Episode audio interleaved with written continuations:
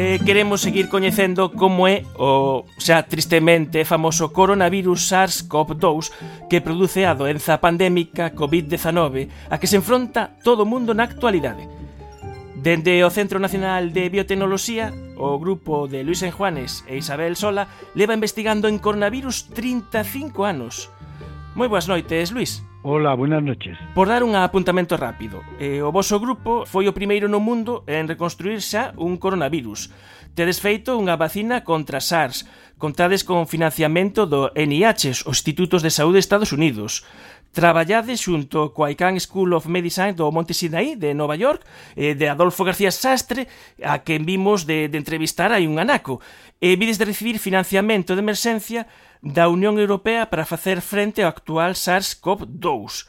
Luis, cando empezastes a estudar os coronavirus, esta clases de virus eran importantes en saúde animal, pero daquela non causaban estas doenzas tan graves.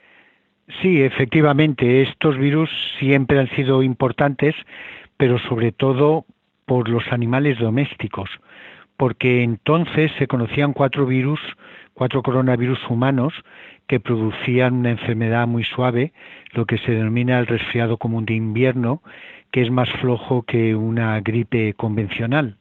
Los tres coronavirus mortales para el hombre se descubrieron en el año 2002, en el 2014 y en el 2019.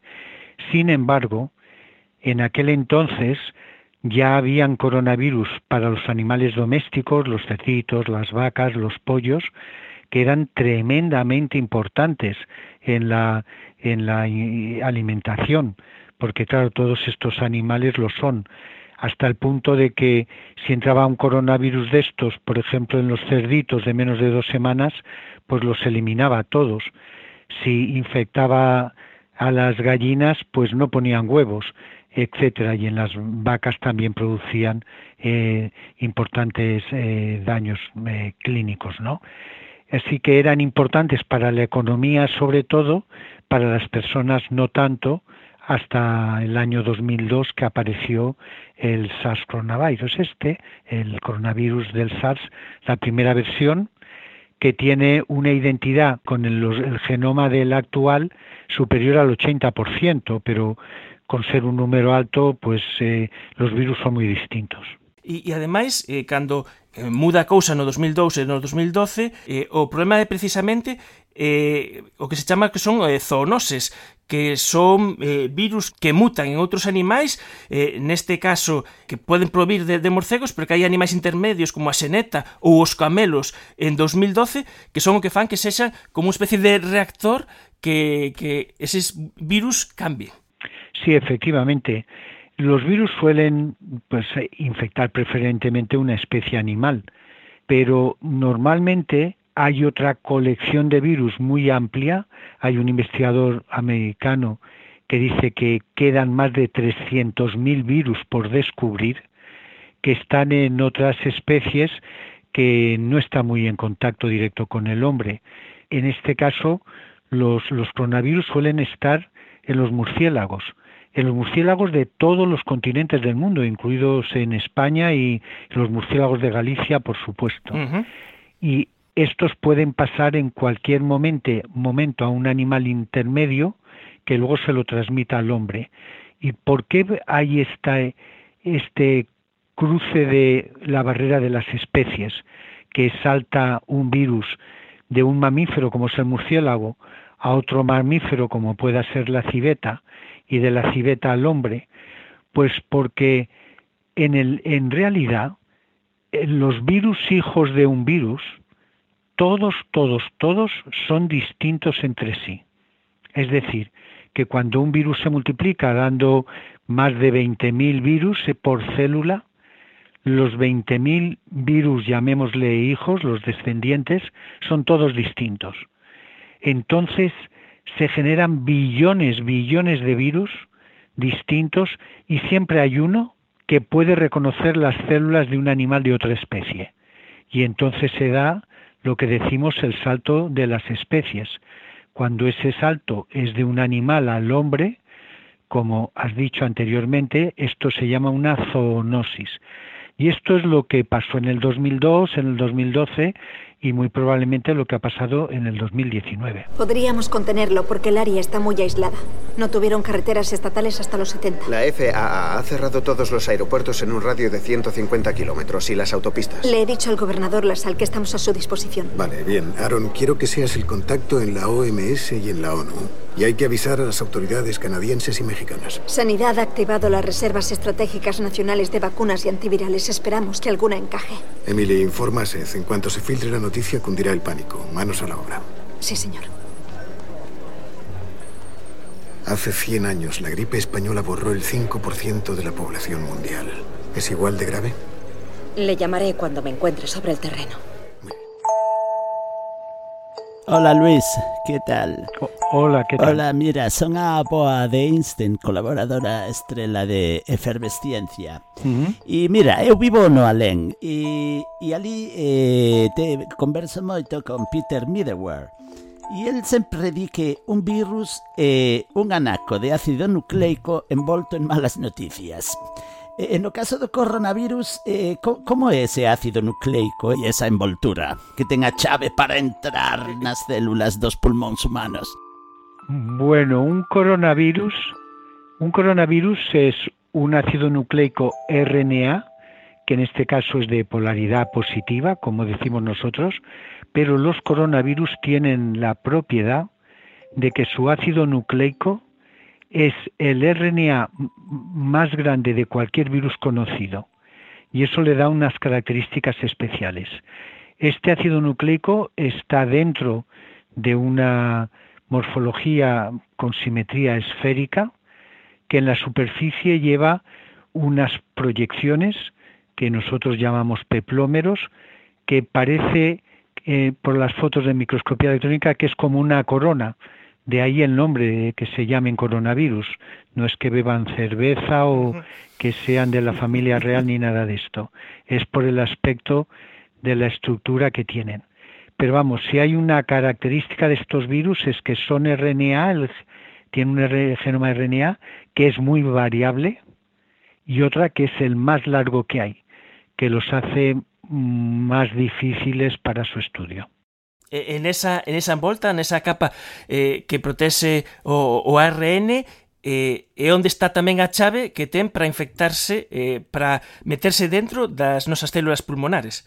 La, la llave es esa proteína, esa que, que es protuberante en la superficie, que es una proteína muy abundante, y que en el fondo es un, un trímeros, no es una, parece una, pero son tres que están enrolladas una con la otra, ya llevan un dominio que es el que reconoce el receptor de la célula para poder entrar. Esa, esa interacción del peplómero de esta protuberancia con el receptor que tienen las células en su superficie es muy importante porque si uno hace anticuerpos contra esa proteína, se mete entre medias de la proteína y el receptor y bloquea la unión, por tanto el reconocimiento del virus por parte de la célula ya no puede entrar. Por eso estos anticuerpos que producimos se llaman neutralizantes, porque neutralizan la entrada del virus. Eh, en este caso, eh, deste eh, SARS-CoV-2 vai todo moi rápido porque a secuenciación, eh, coñecer cales son as letras eh, dese código xenético da ARN foi eh, prácticamente o principio do descubrimento da, da doencia. E vos, eh, precisamente no vosso traballo, eh, necesitades eh, coñecer a secuencia de ARN para traballar na elaboración dunha posible vacina. Sí, es fundamental y afortunadamente podemos dar gracias a, a los chinos porque ellos en cuanto secuenciaron el primero lo hicieron público. Para nosotros es fundamental porque nosotros reconstituimos un virus en nuestro laboratorio combinando química sintética con ingeniería genética. Con la química sintética lo que, lo que hacemos es, conocida la secuencia del genoma del virus, elaboramos una estrategia en el laboratorio eh, viendo qué, en qué trozos podemos dividir el genoma para que nosotros luego, por decirlo así, podamos pegar un trozo al otro Y eso lo encargamos, eh, en este caso lo hemos encargado a Canadá, porque no podemos perder tiempo. Nosotros los podríamos extraer del virus de un paciente, pero tenemos que ir mucho más a prisa porque este mundo es muy competitivo. Esos fragmentos ya los encargamos hace un mes y los hemos recibido todos y ya los estamos ensamblando en nuestro laboratorio. Pero hasta que no recibamos el permiso de las autoridades sanitarias de nuestro país, que ya solicitamos hace un cierto tiempo, no completaremos un virus, porque para poder trabajar con cualquier virus nuevo necesitamos el permiso de las autoridades. Creemos que nos lo van a dar porque nuestro laboratorio lleva desde el año 2003 trabajando con mm, coronavirus mortales para el hombre, como el SARS y el MERS, y además somos el único laboratorio, ciertamente en España, que hemos sido aprobado para trabajar con estos virus eh, por los Institutos Nacionales de Salud de Estados Unidos y el Centro para el Control de Enfermedades Infecciosas, eh, también de Atlanta, de Estados Unidos. Por una razón, fíjate, no es ya porque el virus mate, pero es que es también un arma que pueden utilizar los terroristas eh, como un arma para la guerra biológica. Entonces se requieren unos permisos especiales y como nuestro laboratorio está financiado no solo por el gobierno español y la Unión Europea, sino también por los institutos nacionales de salud de Estados Unidos, para que nos llegue el dinero nos tienen que inspeccionar, y así lo han hecho, todas las instalaciones, procedimientos y tal, y la verdad es que hemos pasado el, examen con, con sobresaliente, porque nos llegaron a decir que nuestros protocolos e instalaciones eran mejores que Eh, la media de los de Estados Unidos. E, e aquí a, a, a estrategia é eh, tedes a secuenciación o ARN, pero para traballar e facer as vosas eh, reconstruccións do virus, tedes que convertirlo en ADN, que eso xa é, eh, é manipulable, E a idea é saber eh, cales dos xenes, eh, neste caso, deste coronavirus, son os, os xenes que causan virulencia e eh, ver como facer de inactivalos. Efectivamente, ese concepto es muy importante y en realidad es la base de nuestro trabajo. Eh, la ingeniería genética, el cortar y pegar un ácido nucleico, el genoma de un virus, eso no se puede hacer con el ARN. Esto se tiene que hacer con el ADN. Y por tanto, lo primero que tenemos que hacer es hacer una copia del genoma ARN a un lo que llamamos un cDNA a un, a un ADN y este es el, primer paso porque el ADN sí que lo podemos cortar y pegar. ¿Y esto para qué lo queremos? Lo queremos porque contrariamente a, lo que la gente se cree, la gente se cree que si un virus te entra en el cuerpo y crece mucho con títulos muy altos, pues entonces es virulento. Pero eso no es así. Un virus puede crecer en nuestro organismo y no producirnos ningún síntoma clínico en absoluto. Los virus son virulentos si llevan lo que se denomina genes de virulencia, que normalmente son unos genes que codifican unas proteínas que inhiben las defensas de, las personas o del hospedador que sea.